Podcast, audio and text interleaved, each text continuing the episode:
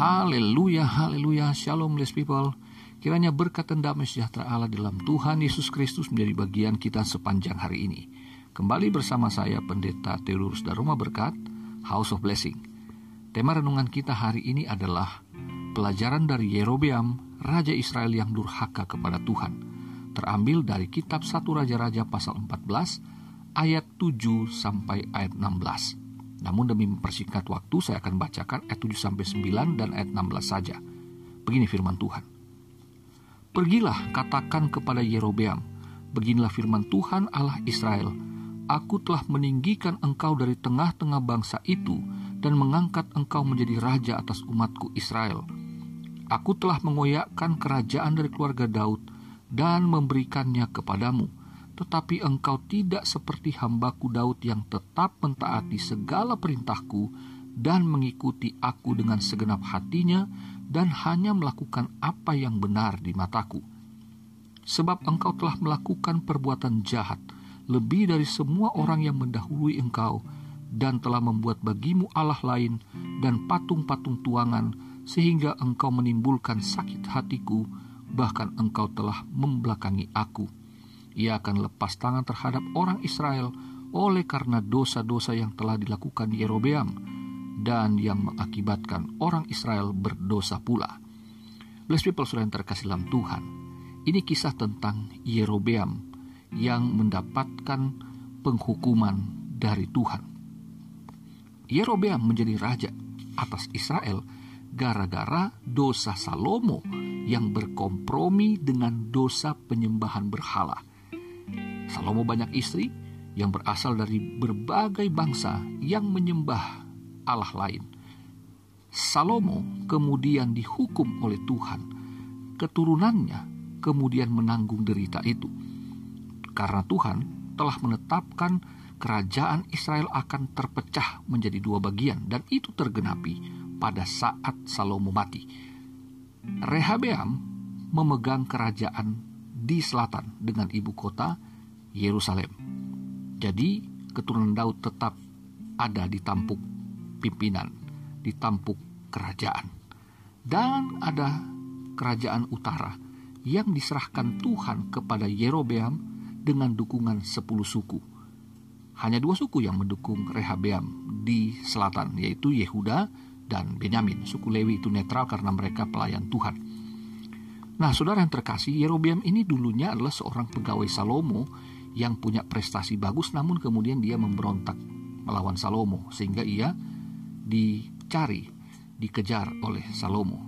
Ia kemudian mendapatkan suaka di Mesir dan pada akhirnya melalui Nabi Ahia ketika ia melarikan diri itu bertemu di tengah jalan dan Nabi Ahia menyampaikan ketetapan Tuhan bahwa ia dipilih Tuhan untuk menjadi raja atas Israel.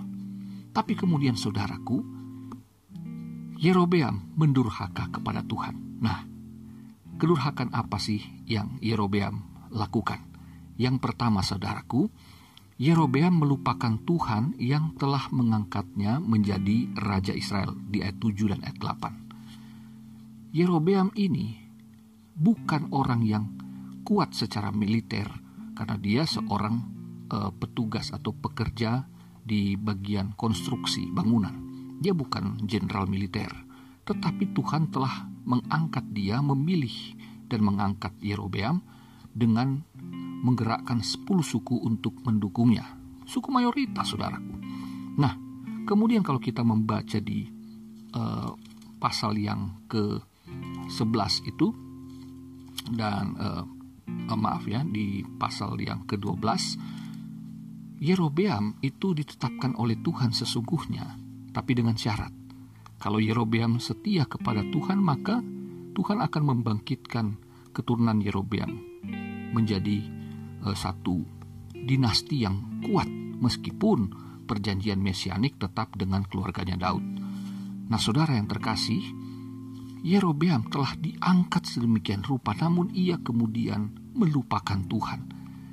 Ketika ia berkuasa, ia berpikir secara politis bahwa kalau Israel, orang-orang Israel di utara dengan ibu kota Samaria, mereka warga Israel akan pergi beribadah kepada Tuhan di Yerusalem, maka secara politis Yerobeam berpikir nanti mereka akan mendukung Rehabeam.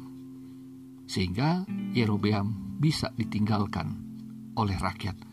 Yerobeam lupa bahwa Tuhanlah yang telah memilih dan menetapkan dia untuk menjadi raja Israel. Saudara ingat bahwa apa yang telah Tuhan tanam tidak dapat dicabut, apa yang Tuhan cabut tidak dapat ditanam. Jadi saudaraku, ini yang dilupakan oleh Yerobeam. Hingga khawatir akan masa depannya. Ia berpikir bahwa kekuasaannya itu di tangan rakyat. Ini bukan pilihan rakyat saudaraku. Pada waktu itu Israel tidak mengenal demokrasi, tetapi teokrasi. Dan Yerobeam gagal untuk memahaminya. Bagaimana dengan saudara? Ketika saat-saat menghadapi masalah, satu situasi yang pelik, saudara berpikir bahwa kalau tidak didukung oleh manusia, saudara tidak ditolong oleh manusia, bahwa saudara tidak mendapatkan solusi dari pihak manusia, maka saudara bisa saja mendapatkan musibah, saudara mendapatkan kerugian, saudara mendapatkan hal-hal yang buruk dan pahit. Apakah saudara lupa bahwa Tuhanlah yang telah menciptakan saudara dan saya? Tuhanlah yang telah menyelamatkan saudara dan saya dari lumpur dosa. Kita ditetapkan menjadi anak-anak Allah di dalam Kristus Yesus Tuhan dan Juru Selamat kita. Bukankah itu sebuah pengakuan yang sangat mulia dan tertinggi di alam semesta?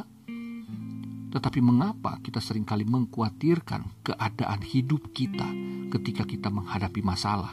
Kita melupakan ada Tuhan yang senantiasa setia mendampingi kita karena kita anak-anaknya. Saudara dan saya mungkin akan menghadapi masa sulit dengan tidak mampu kita memiliki kekuatan kekuasaan atau tidak memiliki uang dan sebagainya. Namun ingat, status anak Allah itulah yang menjadikan kita pribadi-pribadi yang istimewa di hadapan Tuhan Allah kita. Di dalam Kristus, kita memang akan mengalami penderitaan, tapi Sang Kristus itulah Dia dinamakan juga Immanuel, Allah beserta kita. Amin, saudara. Jangan pernah melupakan Tuhan yang telah mengangkat kita menjadi anak-anaknya. Haleluya. Yang kedua, kedurhakaan Yerobeam yaitu Yerobeam menyakiti hati dan membelakangi serta meninggalkan Tuhan. Di ayat yang kesembilan tadi, saudara. Ini luar biasa. Bahwa ketika Yerobeam berpikir Israel akan menyeberang ke selatan, akan mendukung Rehabeam, maka ia kemudian memiliki satu gagasan. Bagaimana kalau kubangun saja tempat ibadah yang baru, sehingga orang Israel di utara tidak perlu ke selatan ke Yerusalem.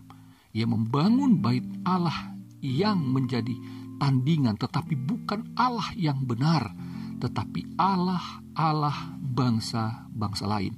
Dengan Tuhan di sana dalam bentuk dua ekor anak lembu emas. Bukankah ini mengingatkan kita akan dosa yang diperbuat Harun ketika ia mendirikan patung lembu emas, anak lembu emas ya, ketika Israel keluar dari Mesir. Dan perkataannya sama saudaraku kalau saudara membaca di dalam pasal yang ke-12 eh, dan ayat yang dan pasal yang ke-13 dari kitab satu raja-raja ini, maka kita mendapati satu statement yang sama. Inilah Tuhan yang telah membebaskan Israel dari Mesir. Saudaraku, ini penghujatan yang luar biasa. Nah, apa yang diperbuat oleh Yerobeam ini sangat menyakiti hati Tuhan. Kecewa berat Tuhan terhadap Yerobeam.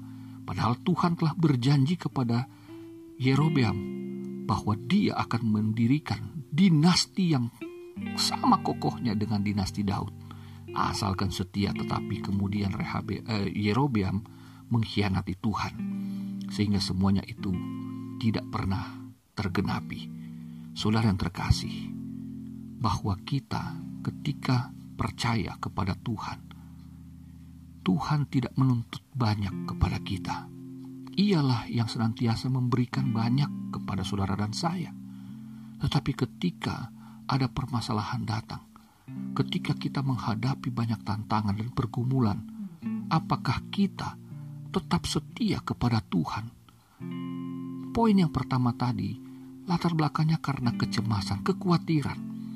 Nah, kemudian saudaraku, Yerobeam mendirikan mesbah yang lain.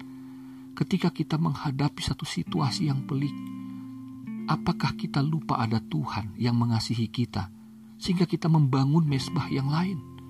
Loh, mesbah apa itu? Mesbah kekhawatiran, kecemasan, ketakutan akan masa depan. Sehingga mesbah itu bukan kita letakkan korban persembahan yang benar. Kemudian kita justru meletakkan semua hal yang mana itu bukan yang daripada Tuhan. Tuhan memberikan kita damai sejahtera, sukacita, roh kudusnya. Mengapa kita memberikan kepada Tuhan hal-hal yang buruk? Apalagi saudaraku, kehidupan yang tidak benar, kehidupan yang tidak suci, kehidupan yang jauh dari kebenaran. Kita menyandang status sebagai orang Kristen, tapi hanya sebagai agama. Kita hidup sehari-hari berlaku curang, tidak adil, korupsi. Kita hidup najis, hidup dalam percabulan, perjinahan, hidup dalam hawa nafsu, itu kata Paulus dalam surat Kolose pasal 3 yang kelima. Penyembahan berhala yang dilakukan hal-hal tadi itu sama dengan penyembahan berhala saudaraku. Dalam perjanjian baru kita tidak menyembah dua anak lembu emas tapi kita sedang hidup dikuasai oleh hawa nafsu jahat. Maka itu sama dengan penyembahan berhala dan itu menghasilkan murka Tuhan juga kata Paulus. Jadi saudaraku, mari dirikan yang mesbah yang benar itu adalah diri kita sendiri yang menjadi korbannya, kata firman Allah. Persembahkanlah tubuhmu sebagai korban yang kudus, yang sempurna, yang berkenan kepada Tuhan. Tuhan tidak menginginkan lebih. Ia sudah memberikan segalanya. Hanya kita perlu penyerahan diri secara total untuk menyembah Dia. Jangan ada mesbah yang lain, saudaraku. Jangan meletakkan segala hal yang bertentangan dengan firman-Nya. Tuhan tidak menyuruh kita untuk membawa korban binatang lagi. Hidup kita dengan pujian penyembahan, ungkapan syukur kita itulah yang menyenangkan hati Tuhan. Karena dengan kita memuji, memuliakan, dan bersyukur kepadanya, itu semua berarti pengakuan bahwa hanya Tuhan itulah satu-satunya juru selamat penolong yang mengasihi dan melindungi kita dan dialah satu-satunya juru selamat yang telah mengeluarkan kita dari jurang maut. Haleluya. Yang ketiga saudaraku, pelajaran dari Yerobeam ini adalah kedurhakaannya. Yang ketiga adalah Yerobeam menyeret keluarganya dan Israel, umat Tuhan itu, ke dalam dosa keji yang sama dengan dirinya. Ini dapat kita lihat di ayat 10 dan ayat 16. Jadi saudaraku Yerobeam tidak berdosa sendirian tapi ia menyeret keluarganya, ia menyeret satu bangsa untuk murtad, mendurhaka kepada Tuhan. Wow, ini kemudian dihukum oleh Tuhan. Semuanya kena akibat Yerobeam yang tidak taat dan setia kepada Tuhan. Saudaraku, dalam kehidupan sehari-hari, kita telah mendapatkan kasih karunia Allah yang sempurna itu. Mari kita hidup untuk mempengaruhi orang lain. Hidup takut akan Tuhan, hidup mengenal Kristus dengan benar, hidup mengenai kasih Allah yang benar. Hidup di dalam terang firman Allah, hidup dalam kekudusan, hidup dalam kesucian. Jangan kita berbuat yang seperti saya sampaikan di poin yang kedua sesuai dengan Kolose 3 ayat 5 tadi, ayat 5 dan ayat 6. Lalu kita pengaruhi orang lain juga. Jangan cuma saya dong yang yang jatuh dalam dosa, saya libatkan orang lain juga. Ya. Saya korupsi, saya libatkan keluarga saya, cuci duit melalui rekening-rekening mereka. Saya berbuat hal-hal yang banyak bertentangan firman Allah, saya melibatkan keluarga, dan saya melibatkan orang lain lagi yang lebih banyak. Saudaraku ingat peristiwa Jenderal Sambo. Ia berbuat dosa dengan melakukan pembunuhan berencana terhadap Brigadir Yosua. Ia menyeret keluarganya, ia menyeret para perwira tinggi dan perwira menengah di bawah perwira pertama sampai bintara dan pangkat terendah lainnya ke dalam dosa yang sama dan mereka sama-sama dihukum oleh hakim baik itu hukuman berat maupun hukuman ringan. Saudara yang terkasih, mari bersama-sama kita ambil pelajaran dari kasus Yerobeam ini agar kita benar-benar menjadi jemaat yang tunduk sepenuhnya kepada Tuhan, mengingat kita telah diberkati dengan kehidupan kekal dan kita telah diberikan juga mesbah untuk kita letakkan korban bagi Tuhan dan kita harus jadi berkat bagi orang lain. Selamat beraktivitas, Tuhan Yesus mengasihimu, Tuhan Yesus memberkatimu. Haleluya, bless people.